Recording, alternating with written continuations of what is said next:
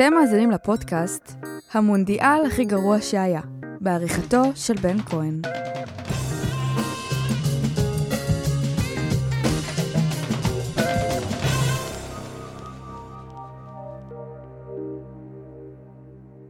מה קורה לכם בגוף כשאתם שומעים את המילה מונדיאל?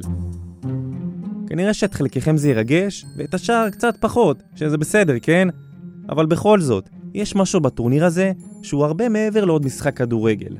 כשחשבתי את מי ירצה לראיין בפודקאסט, אני מודה שלא העזתי לחלום על הרגע הזה ששמתי בווייז את הכתובת ההיא בקיסריה. וכשזה קרה, הרגשתי שאני יכול לעשות הכל. אני מרגיז הרבה אנשים שהם אוהדי המונדיאל שהיה עכשיו, שהיה באמת מונדיאל ססגוני ויפה ו... וגמר מדהים. 86 היה המונדיאל האיכותי ביותר. בדרך חזרה לירושלים תקף אותי פאנצ'ר באמצע כביש מהיר, אבל זה באמת לא עניין אותי. בכל זאת, לא בכל יום אני פוגש לשיחה של אחד על אחד את גדול שדרני הספורט בישראל, יורם ארבל. ולמה דווקא לראיין אותו? שאלה מצוינת. כמו כל דבר בחיים, גם בהיסטוריית המונדיאלים, יש איזה אחד שהוא נחשב ליוצא דופן. כזה שהדביקו לו את התואר המונדיאל הכי גרוע בהיסטוריה. ומה יותר טוב מלשאול מישהו שהיה באותו מונדיאל? אבל בזמן שאני הייתי נחוש לדבר איתו על מונדיאל 90, יורם בכלל שיתף אותי בזיכרונות שלו מ-86. מהר מאוד הרגשתי שהזיכרונות מהטורניר בשנת 90 לא מעלים ביורם את אותו הרגש, ולא הצלחתי להבין למה, כי על הנייר היה בו את כל מה שצריך להיות בטורניר גדול.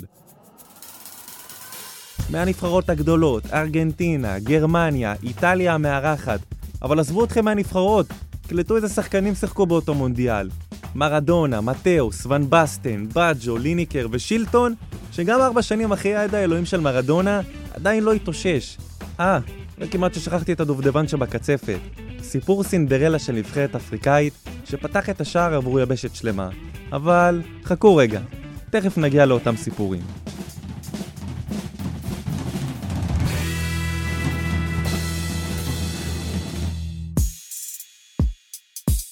היי, אני בן כהן, והיום אני רוצה לצאת לטיול. לא עוד אחד שגרתי של אחרי צבא, אלא אחד שעובר בין מדינות וכוכבים. כוכבי כדורגל כמובן. את המסע שלי אני רוצה להתחיל בשנות ה-90. עשור בו אני, ורבים כמוני, נולדנו לתוכו. כל אחד וסיפור החיים שלו. אם יתמזל מזלכם, בדרך נדבק לכם בסוליה שננה על איזה ג'וק. לא סתם עוד אחד. לג'וק הזה קוראים כדורגל. אם עוד לא הבנתם, אני אחד מאותם אנשים שקם כל בוקר והולך לישון כל לילה ומודה לאלוהים על הכדורגל. אז הגעתי להחלטה שנמאס לי לשמוע סיפורים מהצד, ואני רוצה לספר את הסיפור בעצמי. אז מה גרם להרבה אוהדים להשתעמם ממונדיאל 90? הגביע העולמי הוא טורניר הכדורגל הגדול בעולם, כזה שמוליד אלופים לצד גיבורים טרגיים, וגם כזה שמפגיש בין תרבויות שונות ואוהדים מכל רחבי הגלובוס. מדובר באירוע שמדביק אנשים למסקים למשך חודש שלם. בדרך כלל, כשחווים משהו אמוציונלי בסדר גודל הזה, כנראה שנזכור אותו לחיוב, רק שזה ממש לא המקרה במונדיאל 90. באף משחק לא היה כדורגל גדול. אני אומר לך, אני ראיתי במונדיאל הזה 20 משחקים או 22 משחקים פיזית, שום משחק לא היה גדול.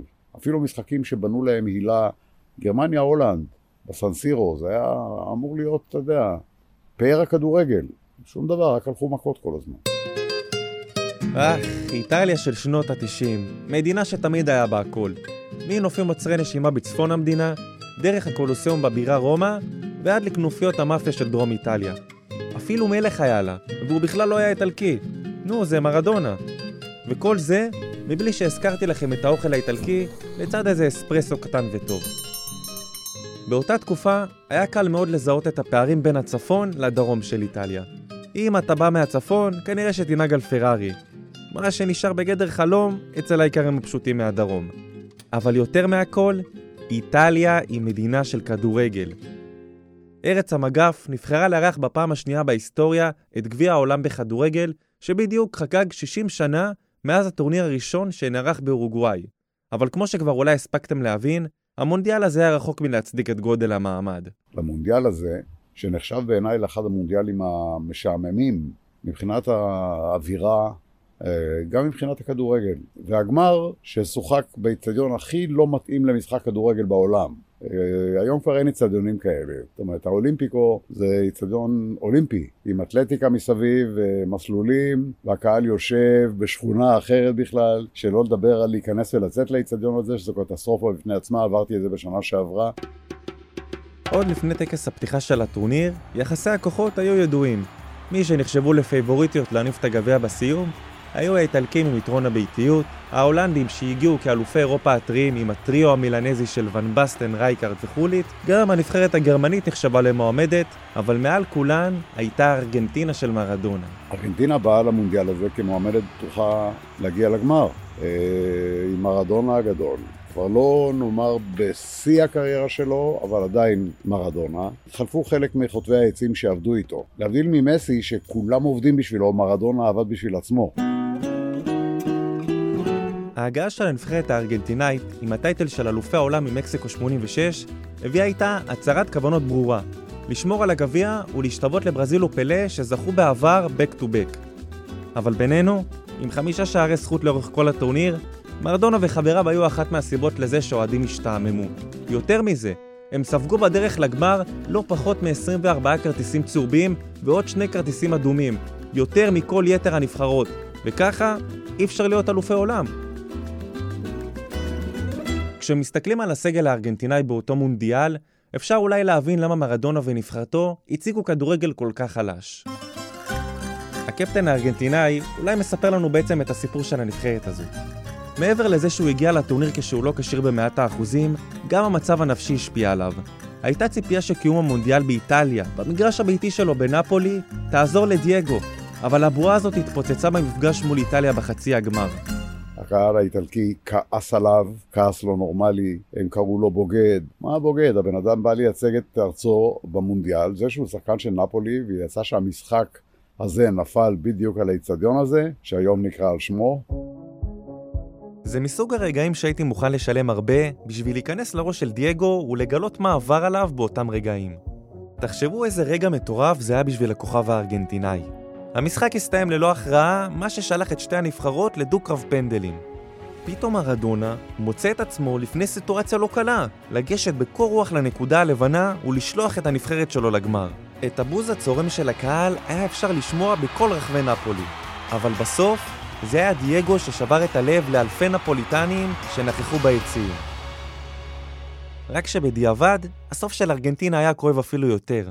הם הפסידו בגמר 1-0 קטן למערב גרמניה, כזה שאין לו שום הצדקה להיחשב משחק גמר, ועוד מפנדל, שעם הטכנולוגיה של היום אולי לא היה נשרק. אבל בתכלס, גם במונדיאל בברזיל ב-2014, ארגנטינה וגרמניה נפגשו שוב בגמר. ושוב הגרמנים ניצחו 1-0, ולא בדיוק זכור לי שהיה ביקורת חריפה על אותו גמר. רצה הגורל ובאותו קיץ 90 באיטליה, הארגנטינאים סגרו מעגל עגום, כשגם במשחק הפתיחה הם ירדו מנוצחים, איך לא, 1-0 קטן לנבחרת קמרון. הנבחרת ממרכז אפריקה הדהימה את אלופת העולם המכהנת, והפכה לנבחרת האפריקאית הראשונה בהיסטוריה שמנצחת נבחרת דרום-אמריקאית במונדיאל. כשמספרים סיפור בסדר גודל כזה, כנראה שגם נחפש את הגיבור. רק שכאן קיבלנו גיבור מסוג אחר. גיבור ושמו רוז'ה מילה. שחקן העבר החליט לחזור מפרישה אחרי שנשיא קמרון בכבודו ובעצמו הרים שיחת טלפון ובה ביקש מרוז'ה לעשות ג'סטה ולהציל את הנבחרת. את ההמשך אתם כבר יכולים לנחש לבד. הקפטן סחב במו רגליו את האריות מקמרון עד לשלב רבע הגמר, כשעל הדרך הפך אותה לנבחרת האפריקאית הראשונה בהיסטוריה שמצליחה להגיע למעמד. לפעמים כששחקן חוזר מפרישה, זה יכול לקלקל ולהמית מגדולתו. אבל כשאותו שחקן חוזר להפקיע בגיל 38, בבמה הכי גדולה שיש, ובזמן שהוא רוקד ליד דגל הקרן, כמו נער בן 18, לא פלא שפלא האגדי בחר במילה לאחד מ-125 הכדורגלנים הטובים בהיסטוריה. במבט אחורה על מונדיאל 90, מבינים שהוא היה אירוע היסטורי שהוביל לשינוי של ממש, בין היתר בגלל ממוצע שערים נמוך וכדורגל הגנתי שאפיין את רוב המשחקים. עם סיום הטורניר בפיפ"א, הגוף שמנהל את הכדורגל העולמי, נשמעו קולות של מהפכה. החוקה של המשחק עברה מתיחת פנים, והנוסחה הייתה מאוד פשוטה. כדורגל התקפי אין, כדורגל הגנתי אאוט. הם הבינו שצריך לעשות שינוי, וכמו שהם מבינים היום שיש לעשות שינויים, וגם היום עושים אותם, החוק של החזרת הכדור לשוער התבקש הרבה מאוד שנים. וזה הכריח את השוערים אגב אה, ללמוד לשחק כדורגל, כי פתאום אתה רואה ששוער טוב זה באמת שוער שיודע לשחק ברגל. הוא הפך להיות אחד מהאחד עשר ולא אחד שעומד שם בשער כל הזמן.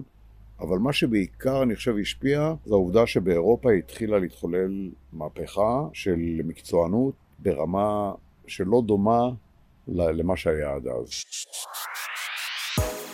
המונדיאל הוא הרבה יותר מאוד טורניר כדורגל. זה הגיבורים, הסיפורים היוצא דופן, האווירה מסביב. ואם תשאלו אותי, אין דבר יותר מרגש מלשמוע סיפור סינדרלה כמו זה של רוז'ה מילה ונבחרת קמרון. כנראה שאותו קיץ 90 באיטליה יישאר לנצח עם אותה תווית שנויה במחלוקת, לטוב ולרע. וזה אולי גם מה שמייחד את הגביע העולמי. פעם אחת אתה למעלה, ופעם שנייה אתה למטה. פעם אתה גיבור של יבשת שלמה, ופעם אתה נבל של כל העולם. אני מקווה שהפודקאסט הזה הביא לכם נקודה חדשה למחשבה על מונדיאל 90, ואני מאחל לכם שהג'וק הזה שדיברנו עליו נדבק לכם בסוליה של הנעל, כי זה הרבה מעבר לעוד משחק. אתם האזנתם לפודקאסט המונדיאל הכי גרוע שהיה. תודה מיוחדת ליאורה מרבל, ותודה רבה לעדן דוידוב על הליווי והייעוץ האישי.